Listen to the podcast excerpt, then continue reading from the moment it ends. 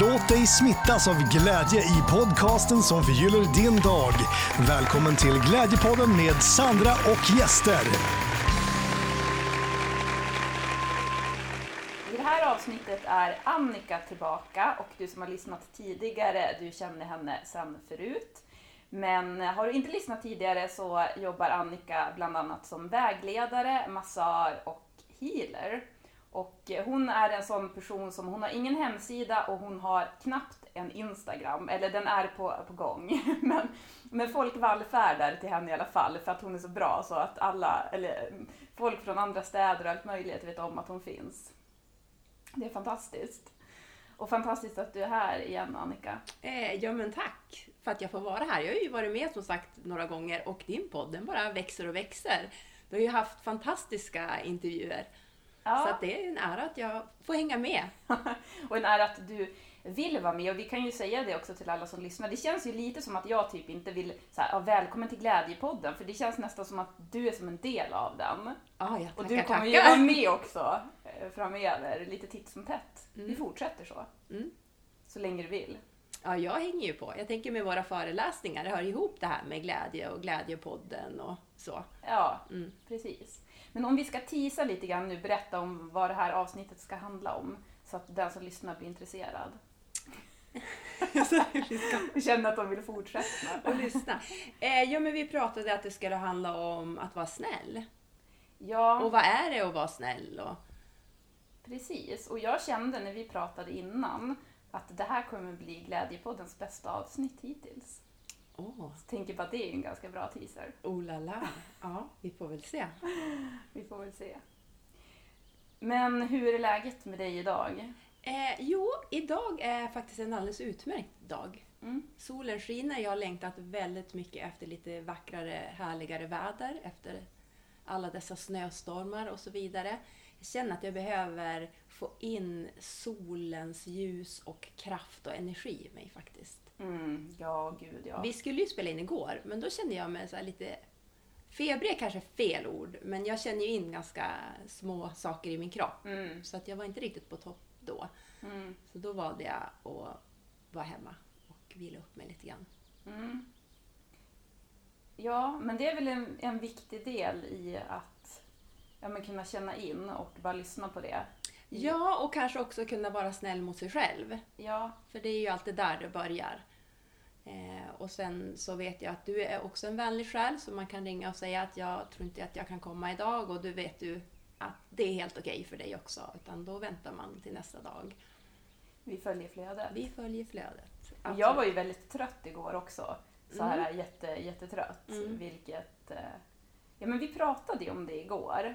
Just det här med att det är, när man är som, alltså, så- som man kallar nu för högkänslig person, så är det ganska lätt som du nämnde att man känner in såna här små saker och att man behöver ta hand om sig själv på ett visst sätt. Men eh, det kan också kännas, jag kan känna mig lite så här.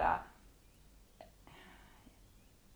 Jag behöver nog bli bättre på att bara tillåta mig att göra det och Ja. se att det är en del av mitt jobb. Ja, exakt. Att det är en del av att kunna vara välmående, vara i kraft, i balans och kunna vara snäll mot andra också. Och, Och att man göra- inte ser det som en svaghet. Det är väl det jag tycker är så synd. Att det här med att vara högkänslig, eh, det har som sett som en svaghet. Men det är egentligen en enorm styrka i att vara högkänslig. Om man bara ser det för vad det är. För att om man då, om vi säger att man känner sig lite krasslig eller trött eller vad det nu kan vara. Om man då kan se det först lite objektivt. Att okej, det känns som att jag behöver vila lite extra idag, ta det försiktigt. Eh, då går man liksom inte in i hela känslan, oj vad jag är trött och vad har jag gjort för fel? Du vet att man liksom absorberar det här eh, symptomet man känner. Utan man tar det för vad det är. Man har det lite på avstånd. Okej, min kropp verkar behöva lite mer vatten eller vila eller vara lite mer ensam. Och så bara gör man det. Utan att det blir någon större affär av det.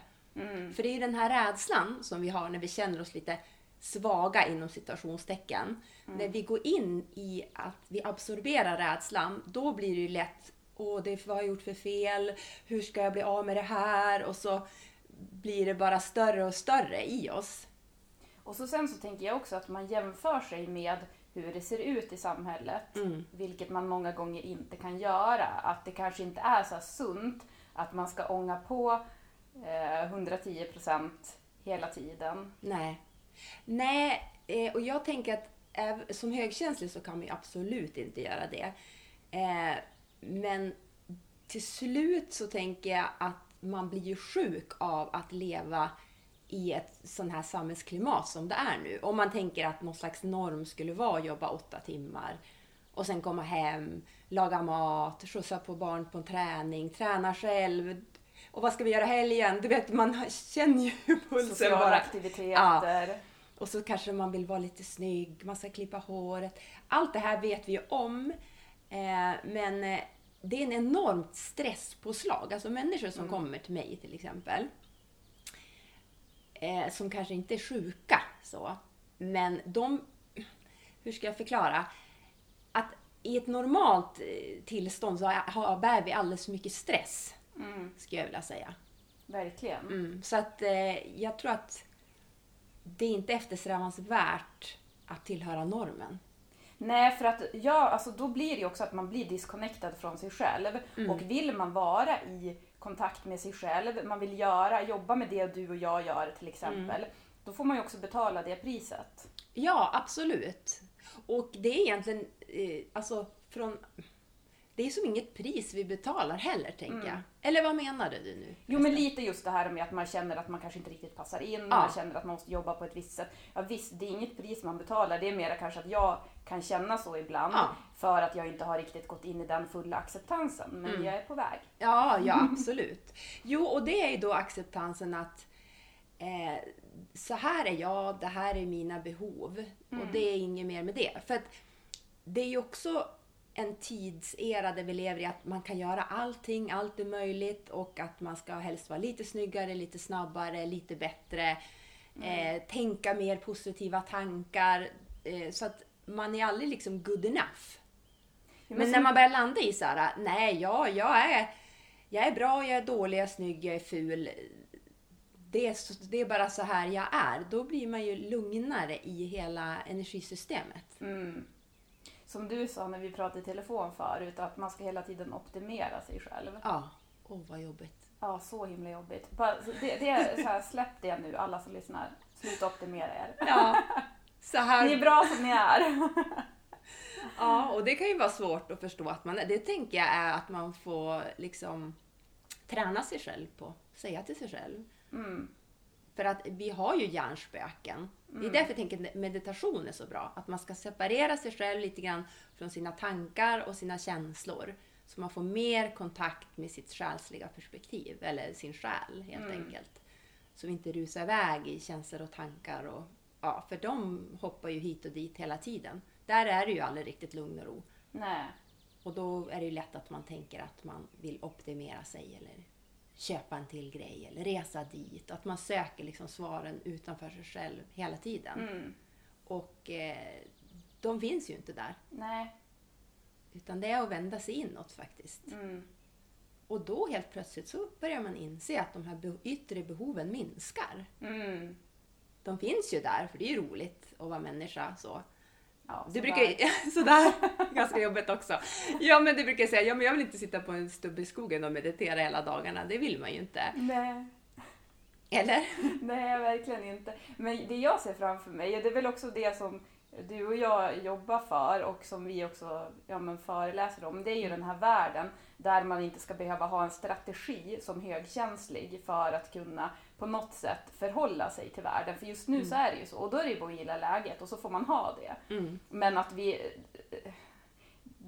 att vi ska leva i en värld där man kan vara i kontakt med sig själv, där det är okej att vara snäll, man blir inte utnyttjad för det, utan man kan, som, man kan få leva med hjärtat och Mm. eh, man behöver inte... Eh, nu pratade vi här innan om att gå in i försvarslöshet Mm. och eh, jag ser jättemycket fram emot att vara där, men samtidigt så är det ju som att ja, men i vissa sammanhang så är det också så att man kan behöva sätta upp garden lite grann bara för Mm. att man ska klara sig. Ja, absolut. Att man har en strategi för det. Mm. Men sen ju min, mer man ser av sitt eget inre drama Mm. som man håller på med så börjar man ju också se andras rädslor Mm. och hur de uttrycker sig kanske i hårda ord eller gör si eller gör så. Eh, då förstår man att det här handlar inte så mycket om mig. Det handlar om personen Precis. jag möter. Mm. Och då blir man inte sårad. Nej. För då står du kvar i dig själv, i din kraft och i din balans och blir inte liksom eh, ja, men ledsen eller arg utan du, du dras inte in i den andra personens drama för du har ju redan gjort upp med ditt eget. Mm. Och då kan man också låta människor få vara som de är. Det innebär ju inte att man kanske behöver vara med dem varenda dag. Så. Men eh, det blir inte... Då kan man våga vara i, som du sa, att vara den som vågar älska mest.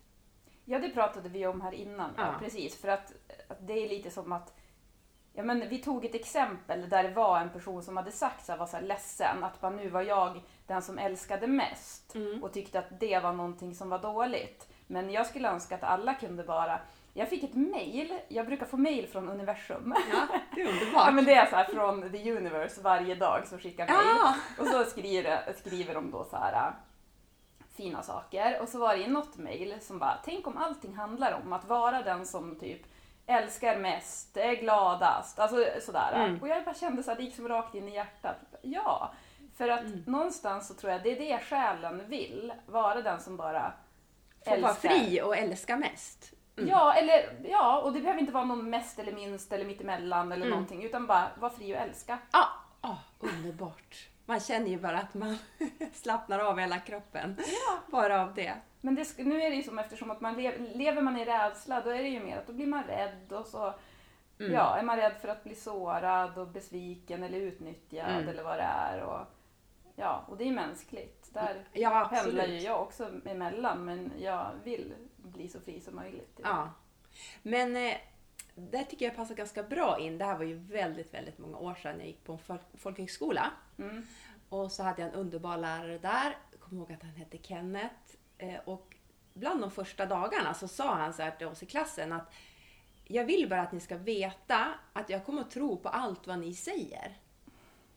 Eh, och så att om ni väljer att ljuga för mig varför ni inte har kommit till skolan eller något sånt så kommer jag tro på det också. Mm. Och då har ni egentligen bara ljugit för er själva. Mm, alltså det här är så fint så jag bara, hela jag ryser. Och då, ja men du ser, jag kommer ihåg det än idag. Jag, jag var väl kanske 20 år då. Men det Ja. sitter verkligen kvar att våga vara ärlig. Ja, men, Och våga tro på, alltså så att ja, men jag tror på allt det du säger. Så att om du väljer att ljuga för mig, en person, så är det liksom inte, jag blir inte lurad av det. nej. Utan du har bara lurat dig själv.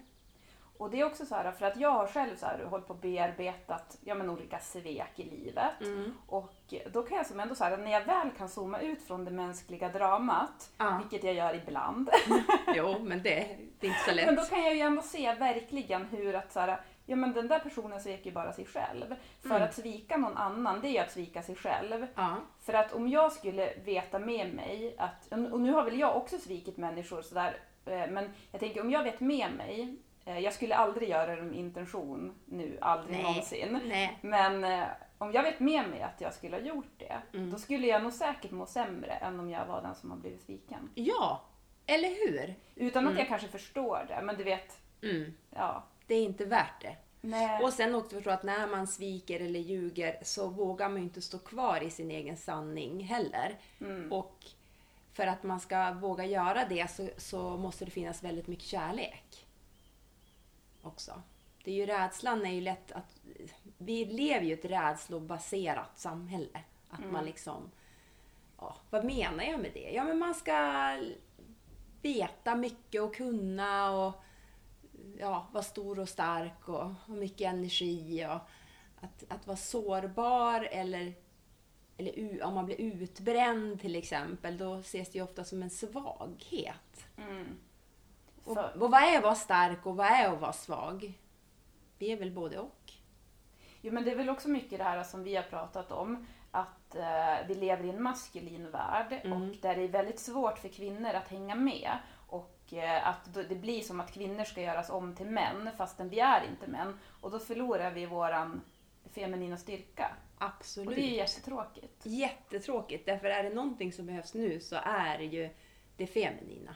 Men det tänkte jag på igår, för då var jag ju sådär jättetrött. Ja. Och så gick jag och la mig två gånger under dagen, för att jag behövde verkligen det. Och under de gångerna, då fick jag så här visioner som jag jobbade med. Det här låter kanske flummigt, jag vet inte de som lyssnar nu så här, vad ni... Men för dig vet jag ju att du förstår ju Ja. vad det är för någonting. Men det är också ändå att jobba på ett feminint sätt. Och jag kände då så att det här är en del av mitt jobb. Att jag skulle få, för jag var tvungen att gå in känslomässigt i de här visionerna för att på något sätt göra dem levande, för det är så jag skapar. Ja, och Glädjefabriken tänker jag, Glädjepodden och Sandra, det är ju samma sak. Mm. Eller hur? Exakt. Många har ju kanske så här, nu har jag min business, det är som en, där är jag en person och sen privat är jag en. Eh, men jag tänker att det du gör, det gör ju du med hjärtat och med själen. Mm. Så att det utstrålar ju, hela du är ju liksom en enhet. Mm. Eh, Att du inte skiljer så mycket mellan jobb och privatperson. Mm. För du jobbar ju också med hjärtat när du träffar människor och du har ju inga baktankar och vad kan jag få ut av den här personen och vet, jag vet inte Inte vad det så kan... mycket. Nej men jag tänker på så här event, jag vet det finns ju olika företag hur man ska tänka smart och business. Eh, och, Det finns inte så mycket strategi. nej men det är klart att man har en strategi. Eh, men du, du är ute efter ett win-win Mm. i i de intervjuer du gör och så tänker vi med föreläsningarna också. Mm. Det är inte så att vi tänker att här ska vi stå och briljera för vi vet och kan mest. För så är det ju absolut inte.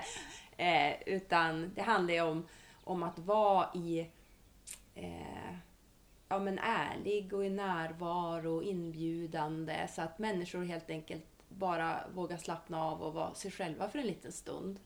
Precis. Eller? Som man är i Norrland. Som man är i Norrland. Ja, ibland i alla fall. Ja. För det är ju väldigt lätt. Det här, jag går ju en, en eh, promenad med våran hund genom skogen varje dag. Mm. Och eh, där så går jag och försöker liksom gå och meditera genom att bara vara närvarande. Mm. Och jag får skratta åt mig själv så många gånger, Sandra. Mm. För jag har ju aldrig att jag lyssnar liksom på någon musik eller podd. Nej. Och eh, oj, oj, oj vad man upptäcker hur tankarna flyger iväg och hit och dit och mycket rädslor och vad ska jag göra sen? Att vara där man är i varenda steg, Mm. ja, det är inte lätt Nej. Men det, det behöver man inte göra till en tävling, alltså någon slags här eh, prestation. Jag brukar bara skratta när jag märker hur tankarna verkligen hoppar hit och dit och fram och tillbaks och ingen ordning och reda. Men bara en sån sak som att inte lyssna på musik eller lyssna på podd. Mm. Det tänker jag att det kan nog fler personer bara ta som en övning för att just jag tror att vi behöver mer av det här stillhetet. Det är ju så mycket brus som det är ändå. Så att Ja, att exakt. få lyssna på lite fågelkvitter eller att lyssna på sina egna tankar och Mm. se så här, bara observera, ha vad kommer upp här då? Ja. När jag inte lyssnar på någon annan. Ja, eller hur? För det sa ju du till mig för några år sedan, då kollade jag ju på väldigt mycket YouTube-klipp och jag ju- har ju varit väldigt intresserad av så här, människor som inspirerar på olika sätt om livet och Mm. glädje och allt möjligt sådär. Och eh, du bara, men Sandra du kanske borde ta en YouTube-detox. Ja. Eh, och jag förstår ju nu verkligen vad du menade, för nu lyssnar jag ju nästan inte på någonting. Mm. För att jag behövde ju verkligen gå in i mig själv. Ja. Och det är ju härligt. Alltså jag tänker att man, att man eh, alla de här, speciellt om man är högkänslig, Mm. eh, för då tar man ju in den personens energi och den, de klippen och så Mm. vidare. Absolut. Så då när man liksom energimässigt ska bara bli sig själv, Mm. då måste man ju som rena sig från alla andra intryck och energier som man har tagit in. Även om de är positiva. För Förstår det- du vad jag menar? Alltså, Ja. Det kan ju, det behöver inte vara att det är massa skräp man har tittat på då. Nej. Om man, vad man nu definierar som skräp. Men man märker ju att om du kliver upp och inte tittar på mobilen, du kanske har någon liten morgonritual, det tycker jag är bra. Mm. Eh, alltså vad menar jag med det? Bara att man kliver upp, borstar tänderna, dricker te eller kaffe, kanske mediterar en stund eller så. Eh, att man bara är i sig själv Mm. utan att börja kolla på mobilen eller trycka på TVn eller sådär. Ja. Eh, att våga vara kvar. Ja. Och det är ju väldigt lätt att, vi, att bli distraherad.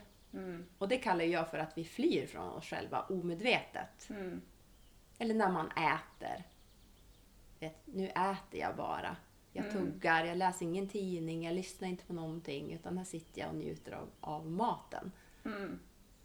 För helt plötsligt så vet man inte... Ja, det är lätt hänt om man tittar på något att man bara, vad smakar det här egentligen? Och vad, hur mycket jag ätit eller? Ja, men man märker inte ens att man har ätit. Nej, nu var det, nu var det klart. Ja. Och där är det ju så fantastiskt fint. Jag kommer ju aldrig ihåg vad den här underbara munken heter som tyvärr gick bort här. Tischnash någonting. Tischnash. Eller jag kallar honom Tischnash. Ja, det är bra. Det låter fint. Eh, han beskriver... Tischnatt tror jag. Ja, Men han får heta Nash. Det och, låter och sen roligare. han på slutet. Ja, just det. Ja. Det här vet säkert lyssnarna bättre än oss. Ja. Eh, men eh, att han menar ju på att när man äter Mm. så ska man ha en sån närvaro så man förstår att du äter liksom solen, du äter jorden, du äter luften.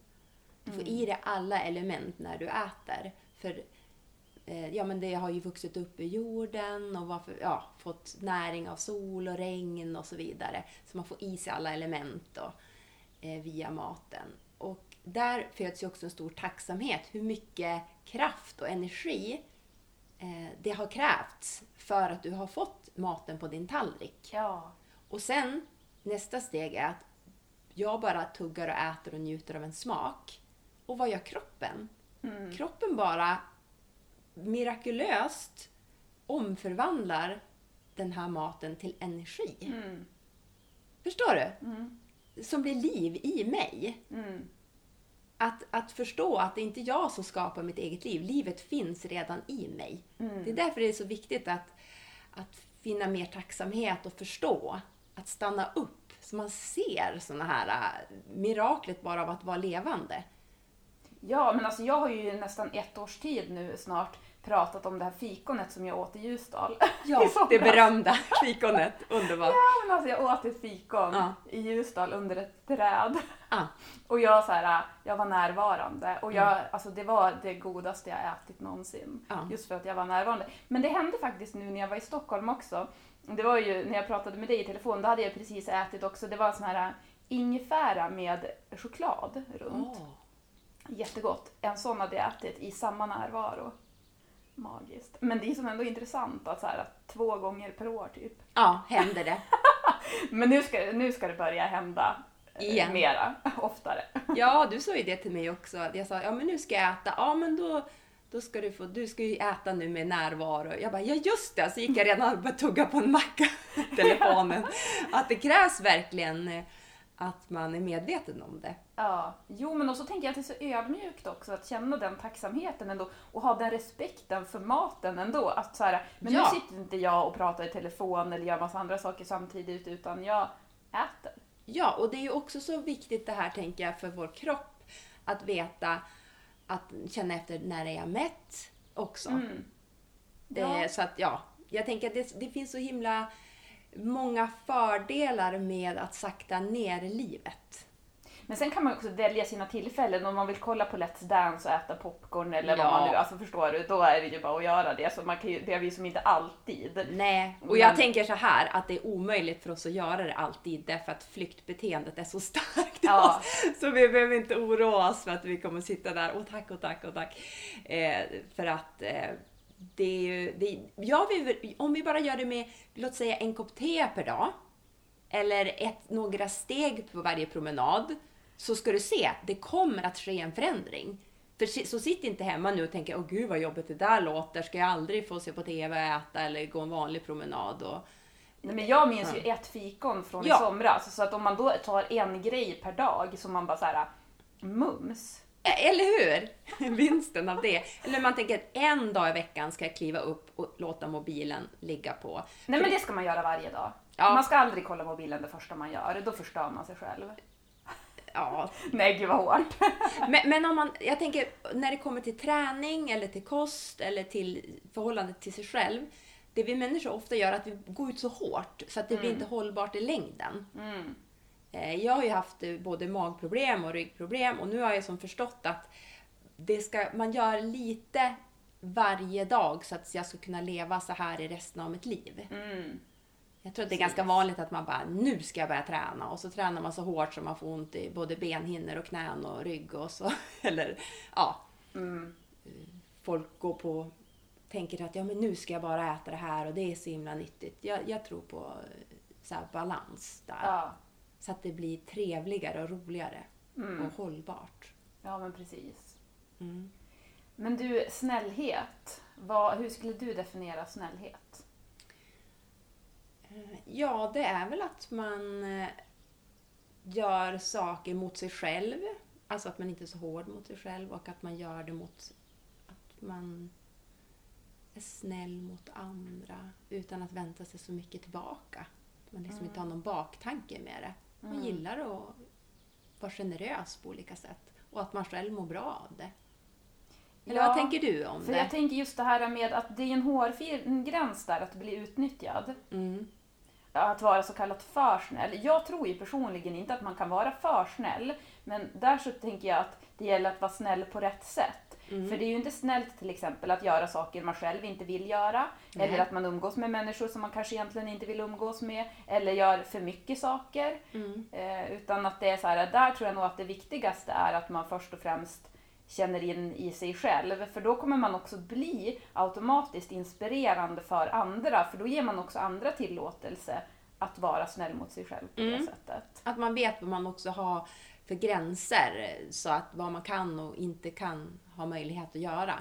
Eh, men där tänker jag att man vill ju ofta säga ja. Mm. Jag kan vara så. Och säga nej, då kan jag få jättedåligt samvete. Mm. Eh, och det är väl egentligen en rädsla för, ja men vad ska de då tycka om mig? Eller, för man vill ju gärna vara omtyckt. Mm. eh, att det grundar sig i det.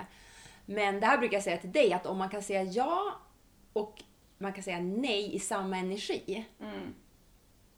Förstår du vad jag menar med det? Att det inte liksom spelar någon roll. Man kan säga nej ibland och man säger ja ibland. När det passar och man själv verkligen vill. För att om man gör något man själv inte vill så är inte det snällt mot den andra personen. Precis. Alltså egentligen är det lite förolämpande om jag frågar dig, ja men kan du komma till mig på fredag? Och så vill inte du det. Men du säger liksom ja bara för att. Ja. Det är lite, det är lite förminskande faktiskt också. För det kan ju också göra att då skapas det någon dålig energi mellan oss. Ja. Och att jag då kanske känner så här lite agg mot dig för att jag får dit fastän jag inte ville det. Och så Ja. blir det som att, alltså det blir ju... Ja, då är det Ja. lätt att tänka, ja men då vill hon att jag ska komma och jag kunde inte det. Och så helt plötsligt är man inne där man lägger skulden på den andra personen. Men jag kunde ju faktiskt bara sagt, nej, inte, det passar tyvärr inte nu, men vi kanske kan ta det en annan gång. Ja, Eh, Det är ju, det är ju egentligen väldigt lätt, men också svårt. Jag, jag, har inte allt, jag har inte lätt för att säga nej. Det måste jag erkänna faktiskt. ja, nej. Men jag tänker också så här, just det här med som du sa att du bara ringde igår och nej men det funkar inte idag sådär. Och eh, jag tycker det är så fint att ha sådana vänner som man, man kan vara helt fri med. Att man känner, för att jag tänker att det är viktigt också att man inte behöver ha så här någon form av, vad ska man kalla det för? Ehm, Skuld, eller? Nej, utan att man har såna här principer eller gränser som är så här, Mm. men det här det där är över min gräns. Utan att man också är fri i sig själv, att man varje, vid varje tillfälle kan känna efter. Känns det bra eller känns det inte Mm. Ja, bra? exakt. Nej, men det känns Mm. inte bra. Jag vill vara med mig själv på fredag. Så att Annika, kan vi ta det en annan gång? Ja. Eller att jag vaknar upp på fredagen och känner så att nej, men jag är jättetrött, jag orkar inte idag. Annika passar bättre en annan dag. Ja. Sådär. Ehm, och där kan det också vara så att man kan behöva, för personligen så har jag ju varit väldigt medberoende, också ganska omedvetet. Mm.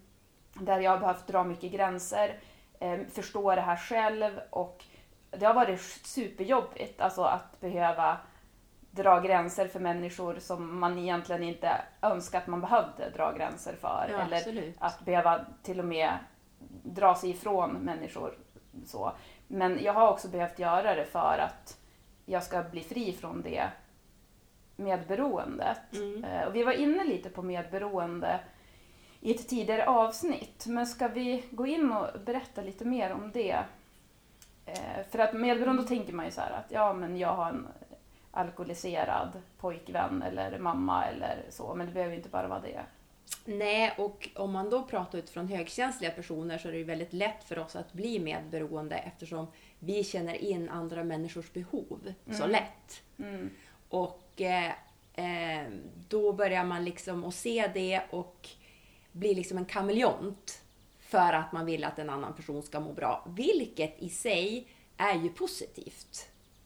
Men problemet är om man inte vet vad man kan känna in och värdera sina egna behov först. Och när jag menar först, men det är, det är den här klassikern att man, man för att kunna hjälpa någon annan så måste man ju kunna hjälpa sig själv. Mm. Eller hur? Så att där är det väl oftast att högkänsliga ser sig själva ehm, att man inte känner in sina egna behov och värderar dem tillräckligt mycket. Så att man går helt upp i någon annan person. Det kan ju vara, det kan ju vara vem som helst på jobbet och man bränner ut sig själv helt enkelt. Till slut så har man inga resurser kvar. För man, är inte, man har förbisett dem exakt hela tiden. Mm. Man kanske till och med är uppväxt på det sättet.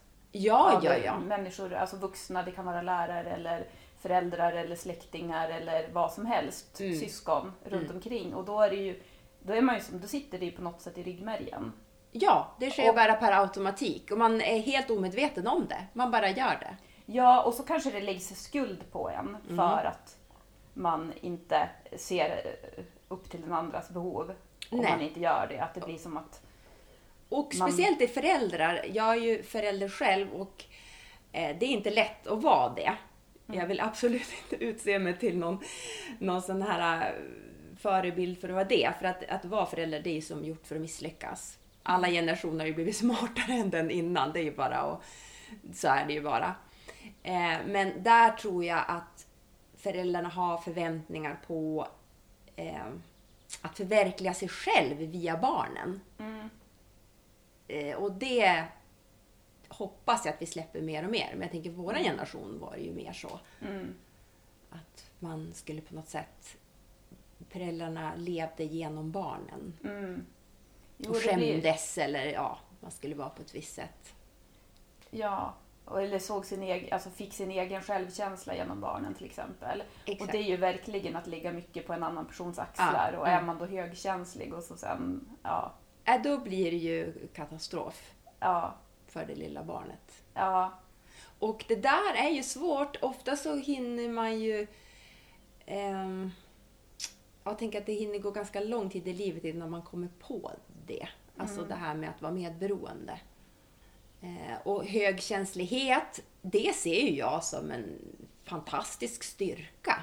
mm, Alltså, om ni är det, ni som lyssnar, så kom på våra föreläsningar tänker jag. För vi lyfter ju verkligen fram det. Att vet man att man är högkänslig och vet hur man kan komma i balans och vad man har för kraft att vända på det där.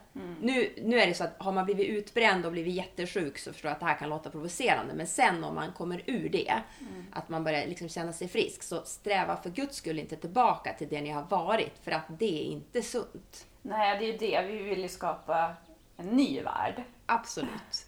Absolut. Men också, jag tänker på det här med att vara snäll. Att det kan ju också vara lite läskigt.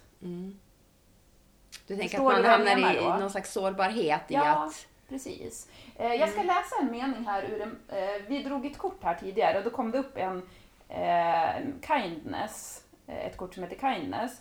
Och då står det så här. Kind... Kind... Heja! Kind...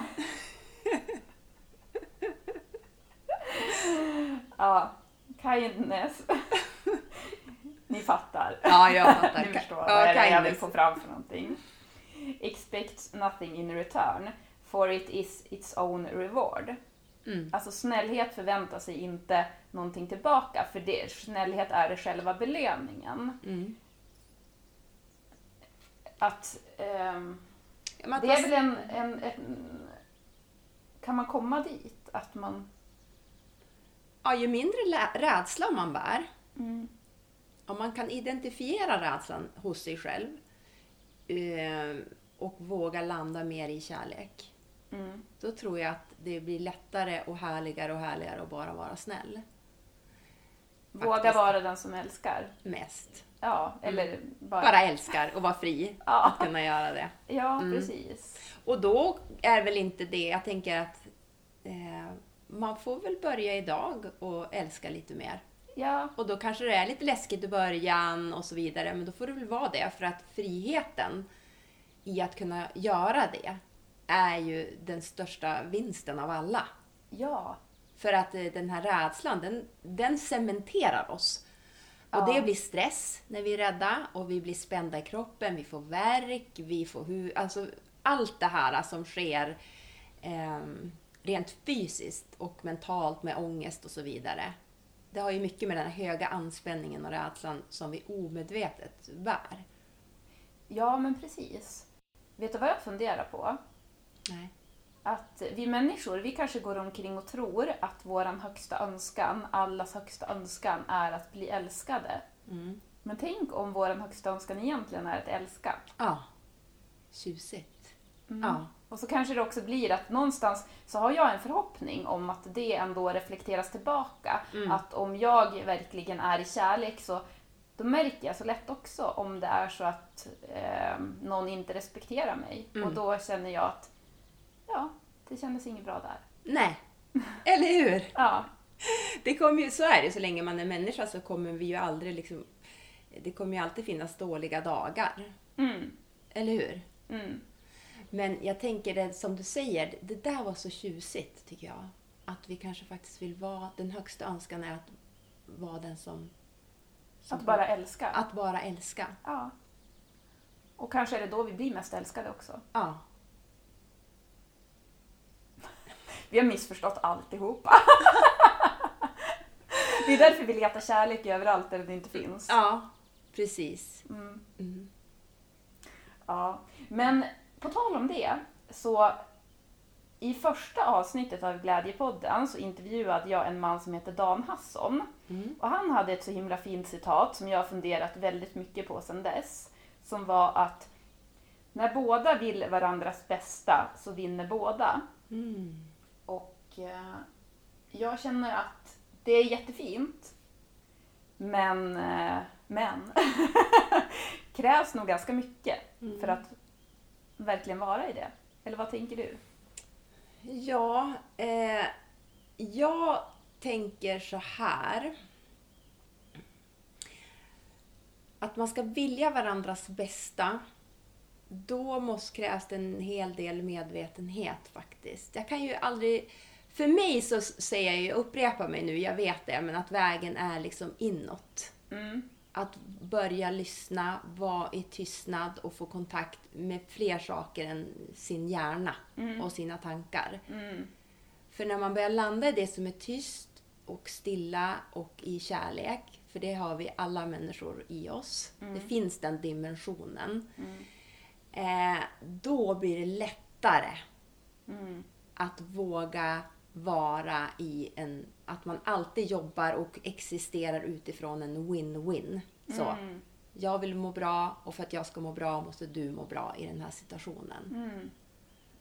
Eh, För att tänker i till exempel kärleksrelationer så tror jag att det är lätt att man tänker tvärtom. Mm. Eller att det är många som gör det på grund av rädsla. Att man är lite så här taggarna utåt och tänker så att okej, men du vänta, hur behandlar du mig nu? Eller hur Mm. gör du nu? Alltså du vet sådär. Att man är lite på sin vakt Mm. för att se. Istället för att man går in i den här känslan att jag vill ditt bästa. Hur kan Ja. jag göra så att du mår bra? Precis. Och är det då så, så att man, om någon tänker, ja men då blir man ju väl helt utplånad. Nej, när man är en fri människa och man vandrar i frid och fred, Mm.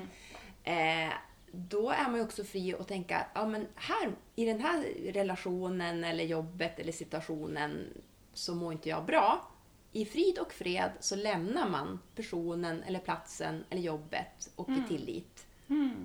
Så att man inte liksom hakar fast då i själv att man blir besviken, att man blir irriterad eller arg eller de gör inte som jag säger. Du, du, du, du vet, det är väldigt lätt att hamna i det där och det är ju Ja. rädsla. Mm.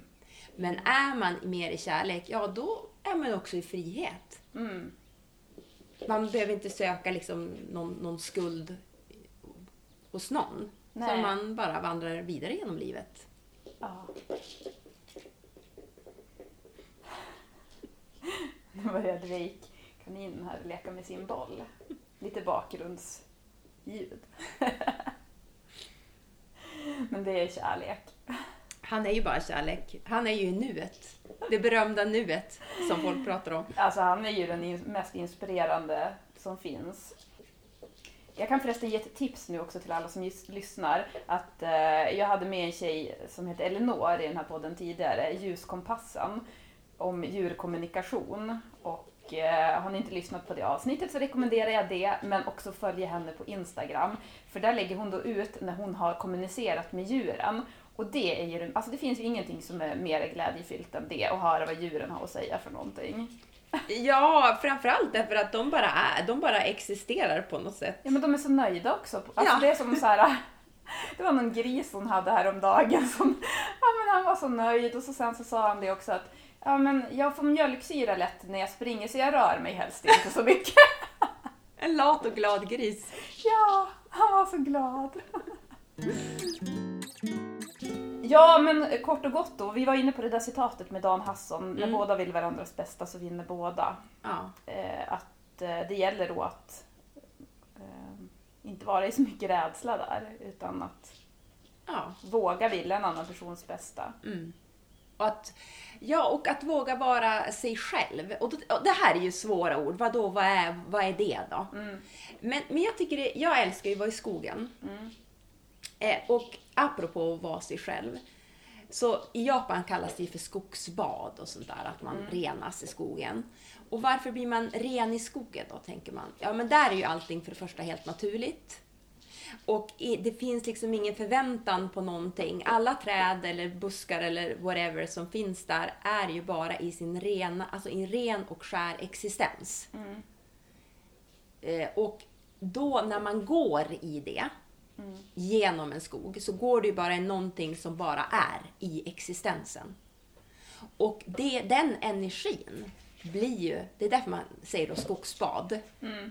Den energin går du ju igenom i någonting som bara finns, som bara är. Mm. Och vi människor är ju väldigt transparenta. Så att då får du ju vara i den energin som renar dig själv. Mm.